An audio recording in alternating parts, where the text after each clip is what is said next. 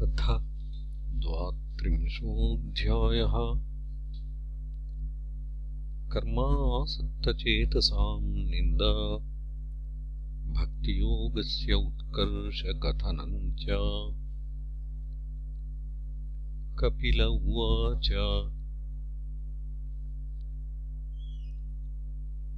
अथयो गृहमेधीयान् धर्मानेवावसन् गृहे। काममर्थम् च धर्मान् स्वान्। दोग्धिभूयः पिपर्तितान् स चापि भगवद्धर्मात्। काममूढः पराङ्मुखः यजते क्रतुभिर्देवान् पितॄंश्च श्रद्धयान्वितः।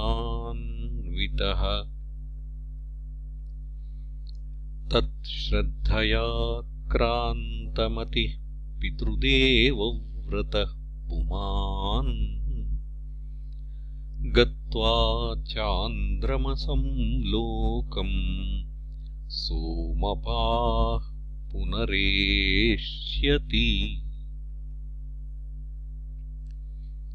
यदा चाहीन्द्रशय्यायाम् शेतेनन्तासनो हरिः तदा लोकालयम् यान्ति।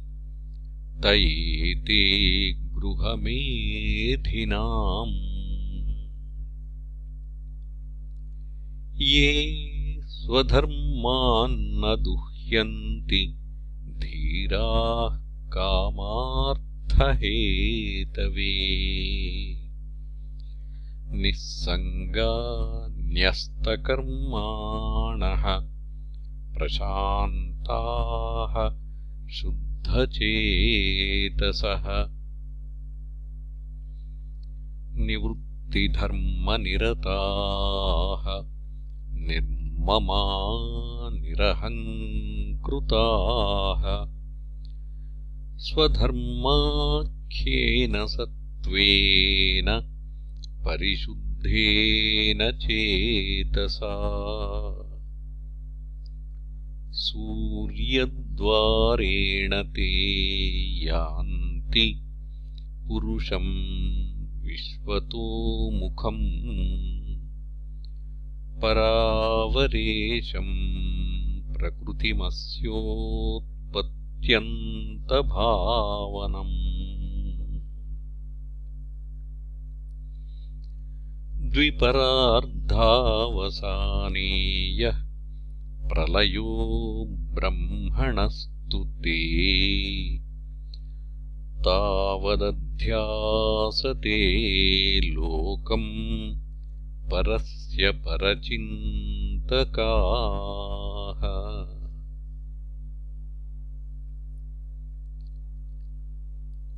क्ष्माम्भोनलानिलवियन्मन इन्द्रियार्थभूतादिभिः परिवृतम् प्रतिसञ्जिहीर्षुः अव्याकृतम् विशति यर्हि गुणत्रयात्मा।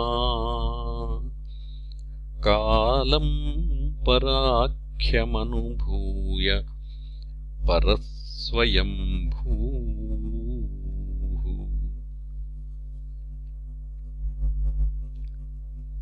एवम् परेत्य भगवन्तमनुप्रविष्टाः ये योगिनो जितमरुन्मनसो विरागाः तेनैव साकममृतम् पुरुषम् पुराणम् ब्रह्मप्रधानमुपयान्त्यगताभिमानाः अथ तम् सर्वभूतानाम्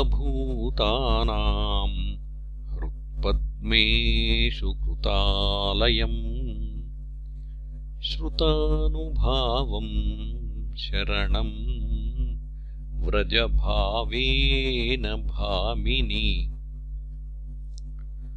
आद्यः स्थिरचराणाम्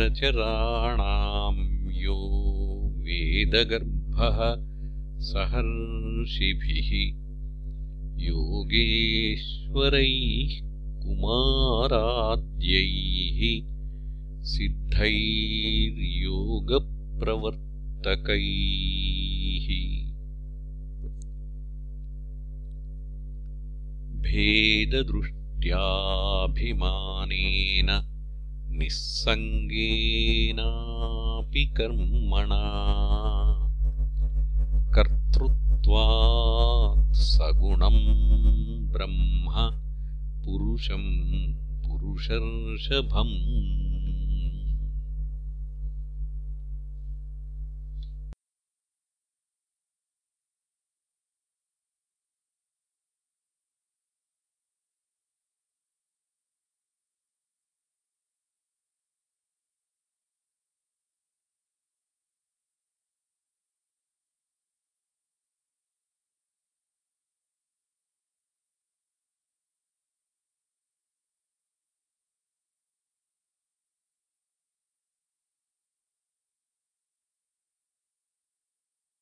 स संसृत्य पुनः काले।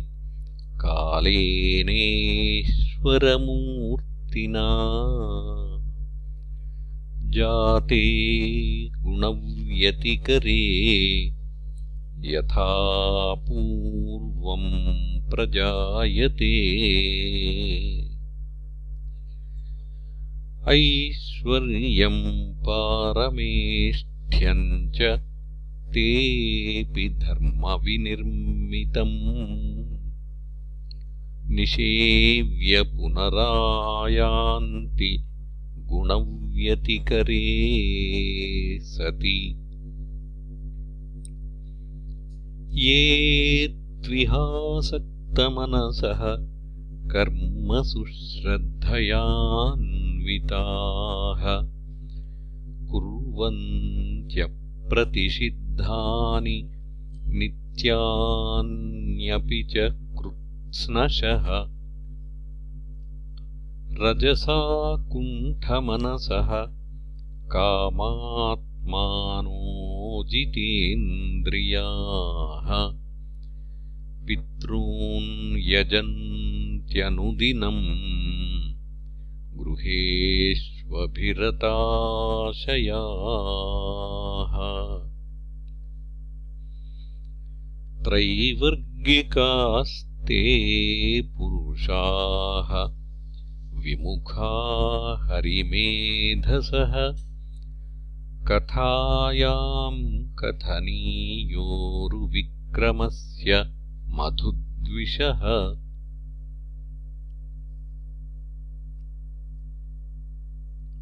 नूनम् दैवेन विहता ये चाच्युतकथासुधाम्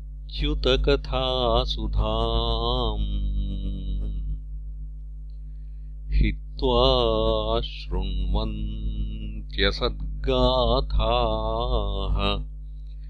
पुरीशमिव विड्भुजः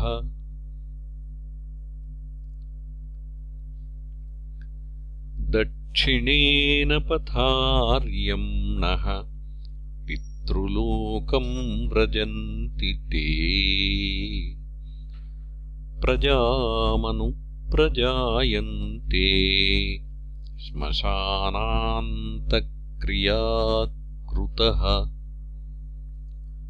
ततस्ते क्षीणसुकृताः। पुनर्लोकमिमम् सति पतन्ति विवशा देवैः सद्यो विभ्रंशितोदयाः तस्मात्त्वम् सर्वभावेन भजस्व परमेष्ठिनम्। तद्गुणैकमूर्तिम् निर्गुणाश्रयया भक्त्या भजनीयपदाम्बुजम्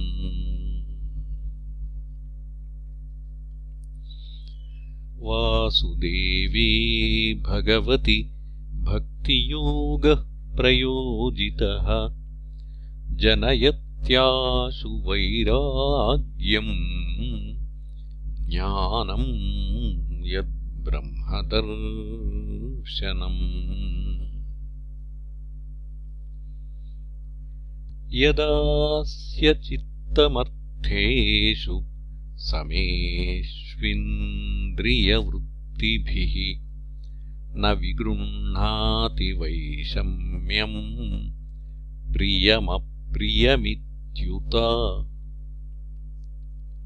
स तदैवात्मनात्मानम् निःसङ्गम् समदर्शनम्। हेयोपादेयरहितम् आरूढम् पदमीक्षते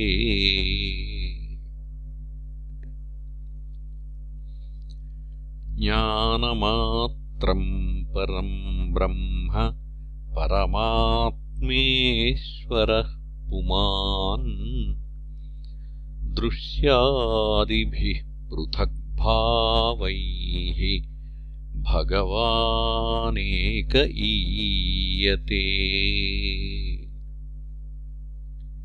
एतावानेव योगेन समग्रेणेह योगिनः युज्यतेऽभिमतो ह्यर्थो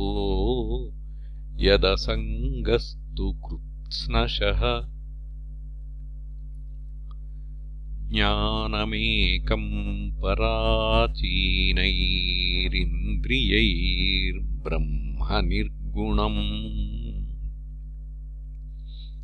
अवभात्यर्थरूपेण भ्रान्त्या शब्दादिधर्मिणा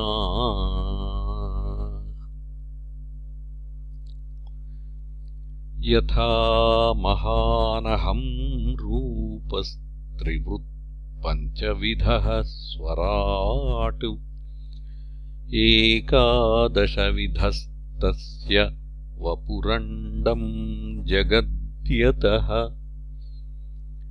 एतद्वै श्रद्धया भक्त्या योगाभ्यासेन नित्य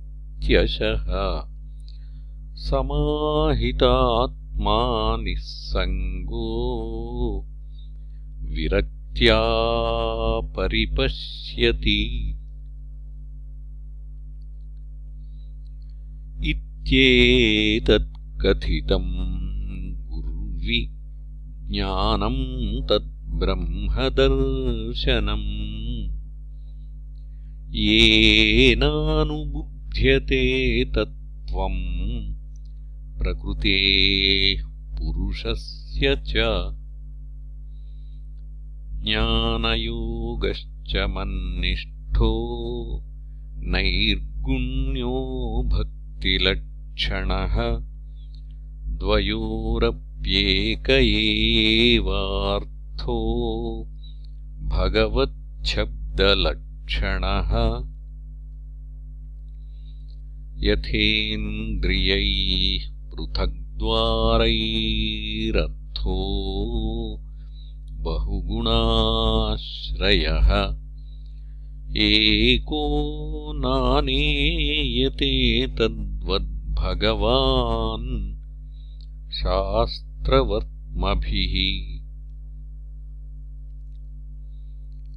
क्रियया क्रतुभिर्दानैस्तपः स्वाध्यायदर्शनैः आत्मेन्द्रियजयेनापि सन्न्यासेन च कर्मणाम्।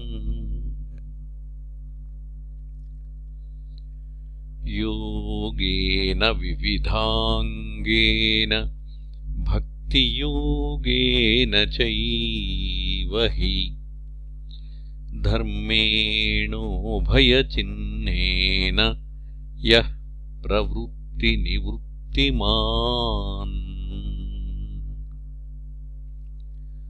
आत्मतत्त्वावबोधेन वैराग्येण दृढेन च ईयते भगवानेभिः सगुणो निर्गुणः स्वदृक्। प्रावोचम् भक्तियोगस्य स्वरूपम् ते चतुर्विधम्। कालस्य चाव्यक्तगतेर्योऽन्तर्धावति जन्तुषु। जीवस्य संसृतिर्बह्वीरविद्याकर्मनिर्मिताः।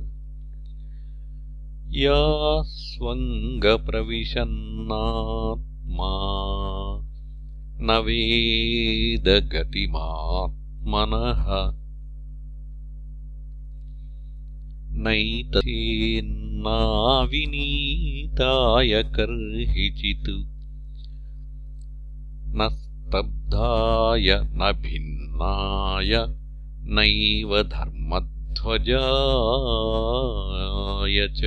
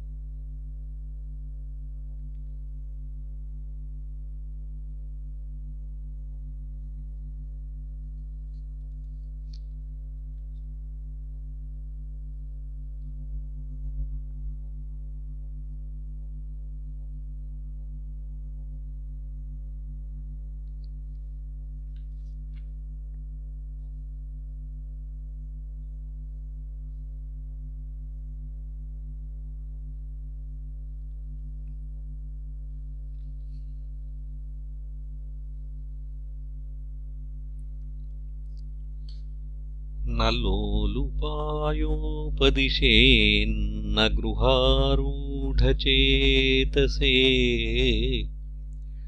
नाभक्ताय च मे जातु न मद्भक्तद्विषामपि।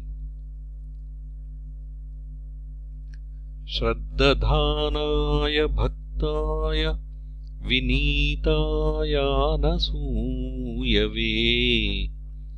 भूतेषु कृतमैत्राय शुश्रूषाभिरताय च। बहिर्जातविरागाय शान्तचित्ताय दीयताम् निर्मत्सराय शुचये यस्याहम् प्रेयसाम् प्रियः। य इदम् शृणुयादम्ब श्रद्धया पुरुषः सकृत्। यो वाभिधत्ते मच्चित्तः स ह्येति पदवीम् च मे इति श्रीमद्भागवते महापुराणे पारमहंस्याम् संहितायाम् तृतीयस्कन्धे द्वात्रिंशोऽध्यायः